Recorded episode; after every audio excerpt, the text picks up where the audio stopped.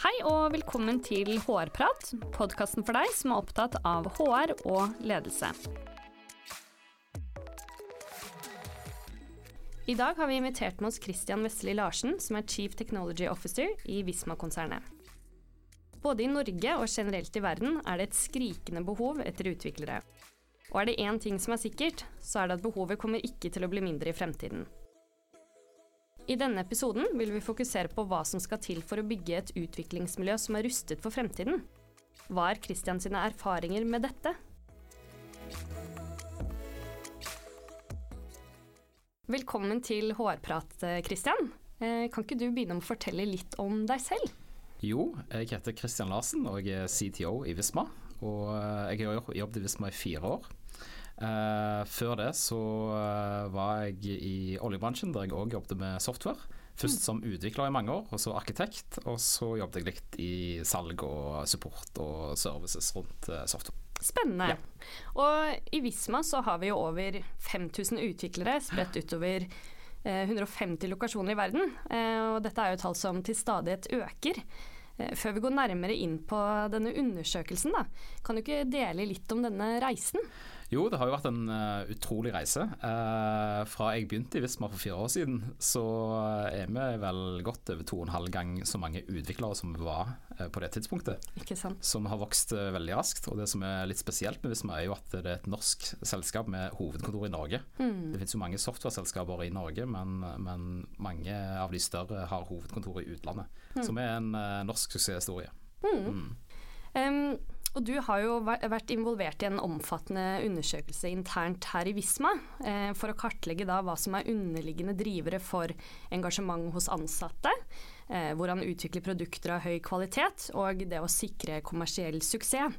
Eh, dette er jo store spørsmål, eh, og er noe vi gjerne ønsker å bli litt eh, klokere på i dagens episode.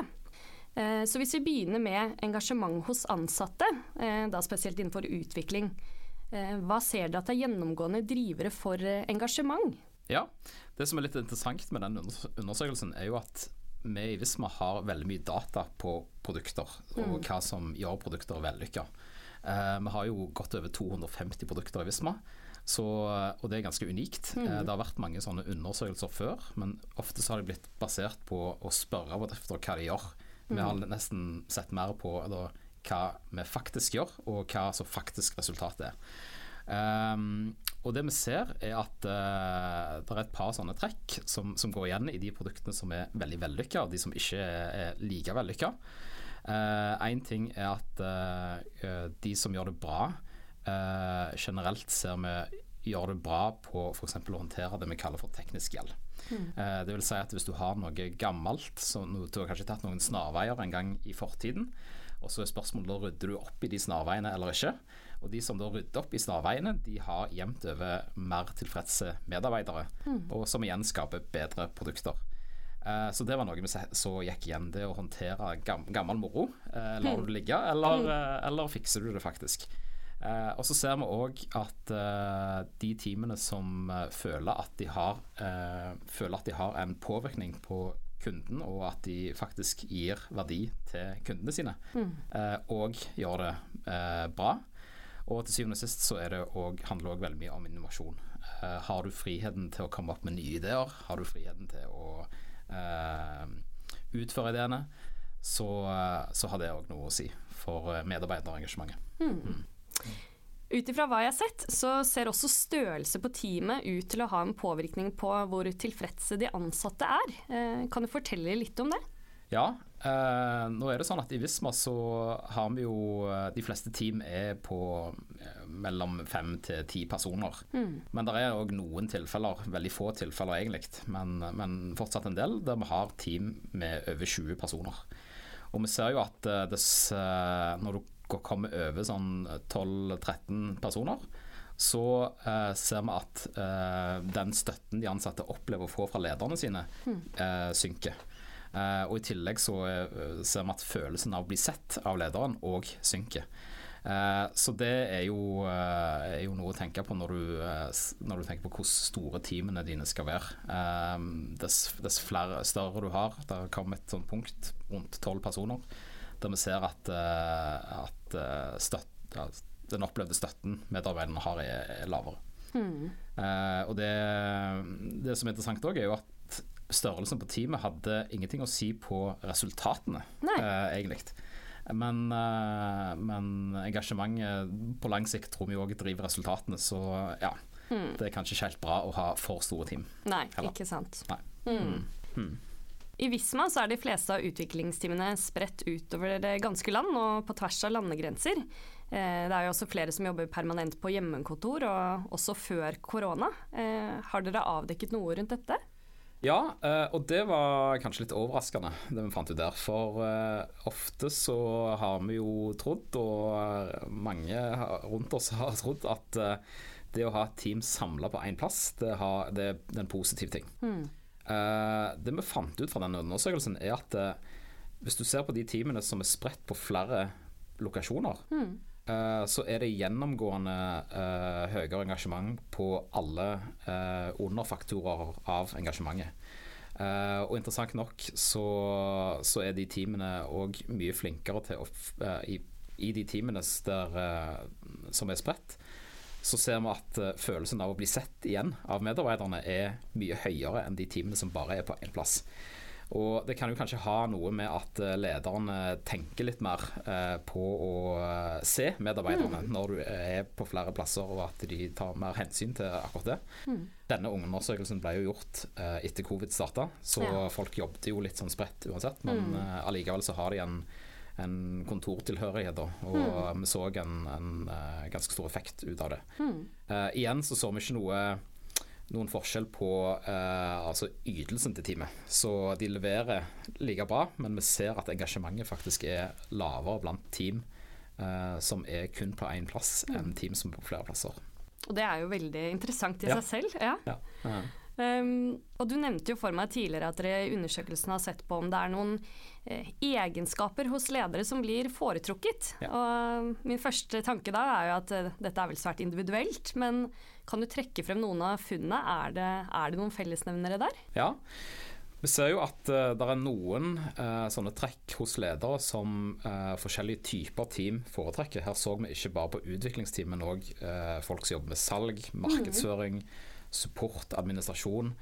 Og eh, de, vi så jo ganske klart at de som er i utviklingsteam, foretrekker ledere som har en viss analytisk eh, eller analytiske trekk i personligheten sin. Mm. Mm. Uh, mens hvis du ser på f.eks.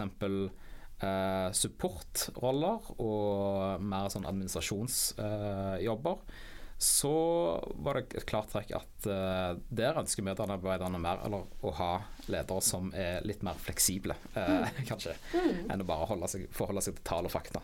Så uh, det varierer litt fra hva type jobb du har, faktisk. Hva mm. type leder de ansatte foretrekker. Og Det har jo kanskje med litt med personene som velger den type jobber å gjøre òg. Mm. så det er ganske interessant. Og i tillegg så er det jevnt over trekk at uh, det å ha uh, frihet til å gjøre innovasjon uh, uten å spørre noen, den kom veldig tydelig fram at det er et trekk som utviklingsteam spesielt liker veldig godt. De liker, ikke, å, liksom, de liker å kunne gjøre noe. Det har ikke noe med hvor mye tid du gir dem, eller noe sånt, men det har rett og slett Kan du gjøre noen ting uten at du er nødt til å spørre om tillatelse for å, å, gjøre den innovasjonen? Mm. Videre så har du også avdekket hva som er driver for, drivere for produkter av høy kvalitet. Mm. Uh, først og fremst, hvordan har dere målt dette? Ja, det vi har sett på er det vi kaller for uh, product NPS. Det vil mm. si at uh, der vi stiller et spørsmål hvor sannsynlig er det at du uh, anbefaler dette produktet til noen andre. Mm. Og så er det en skala fra null til ti, egentlig. og så tar vi liksom prosentandelen som svarer veldig høyt minus prosentandelen som svarer eh, lavere. Og da får du en score mellom minus 100 og 100. Mm. Eh, så det er sånn vi liker å måle eh, liksom produktsuksess, mm. fordi det forteller deg hvordan fornøyde er brukerne, rett og slett. Mm. mm. Ja, det er jo et godt parameter. Ja. Ja. Um, hvilke drivere var det som utpekte seg, da? Ja, her er det igjen eh, det med engasjement hos medarbeiderne. Ja. Det har en veldig sterk sammenheng med hvordan sannsynlig det er at sluttbrukerne faktisk anbefaler produktet. Mm. Så vi ser at høyere, dess høyere engasjement du har, dess høyere sjanse er det for at uh, sluttbrukerne vil anbefale produktet. Så det å ha engasjerte medarbeidere, det slår aldri feil. Uh, I tillegg er det igjen dette jeg sa, med gammel moro. Har du mm. ryddet opp i gammel moro, teknisk gjeld, mm. eller uh, lar du det skure gå? Uh, hvis du lar det skure gå, så er det drastisk lavere sjanse for at folk vil faktisk anbefale produktet ditt. For da, mm. da vil det veldig fort du vil veldig fort havne i den situasjonen der produktet føles utdatert mm. og gammelt og treigt. Mm. så det er veldig viktig. Og så ser vi igjen dette med innovasjon. Altså hvis du har en leder som oppfordrer deg til å gjøre innovasjon, så eh, stiger òg den PN-passen. Dvs. Si at eh, det er større sjanse for at brukerne anbefaler produktet videre. Mm. Og eh, en veldig klar sammenheng vi òg så var liksom hvis du er et team, arrangerer du hackathons, arrangerer du sånne innovasjonsevents der bare teamet samler seg og gjør et eller annet spennende ja. og kult. Uh, der var det òg en veldig klar sammenheng mellom, mellom det og, og, kvaliteten på sluttproduktet, faktisk. Så bare å gjøre sånne event mm. uh, ser ut til å ha en effekt. Mm. Ja. Og, du, og, du, var jo litt inne på dette med ja, kompetanse og kompetanseheving. Da, og ja. Det er jo en viktig faktor for å utvikle produkter av høy kvalitet, og ikke minst for å kunne tilby de beste løsninger for sluttbrukerne. Da. Ja. Eh, gikk dere noe inn på dette i undersøkelsen også? Ja, Vi så litt på dette her med kompetanseheving og kompetanseutvikling, ja. og hva som har en best effekt. Og um, vi så faktisk veldig liten sammenheng med hvor mye tid uh, folk tilbringer på uh, å lese bøker eller blogger eller videoer, eller, mm. eller å gå på kurs eller konferanser. Mm. Og, og medarbeidertilfredshet.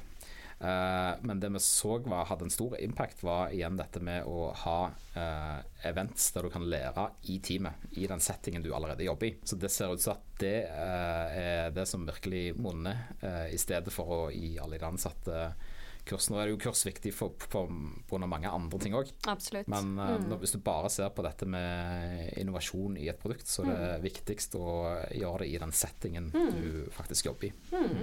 Ja. Og du har jo nevnt dette med å være innovative og det å tørre å ta noen risikoer. Ja. Eh, hva, hva, tror du årsaken til det er? Nei, jeg tror For utvikling generelt mm. så, er, så, er, det en, eh, en blanding av uh, kunst og, og en litt mer sånn fabrikkorientert ja. yrke.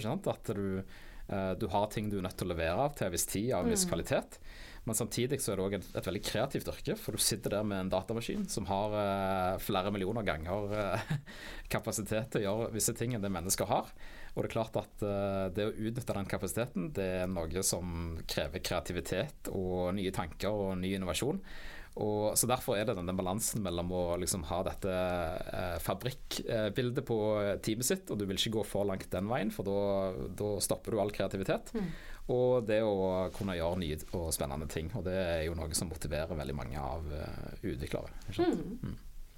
Så hvilke råd vil du gi da, til våre lyttere for å lykkes i sin eh, utviklingsorganisasjon med engasjerte medarbeidere, produkter av kvalitet og ikke minst fornøyde kunder? Det er jo et stort spørsmål. Ja, ja jeg kan si tre ting nå. Det ene er at eh, det ene er eh, Eh, rydde opp i gammel moro. Mm -hmm. Ikke la ting ligge og tro at de forsvinner av seg sjøl, men uh, gjør det rett, de rette tingene, rydde opp. Det viser seg at det er veldig klart, en veldig klar sammenheng mellom det å ha engasjerte medarbeidere og ha bra produkter. Mm.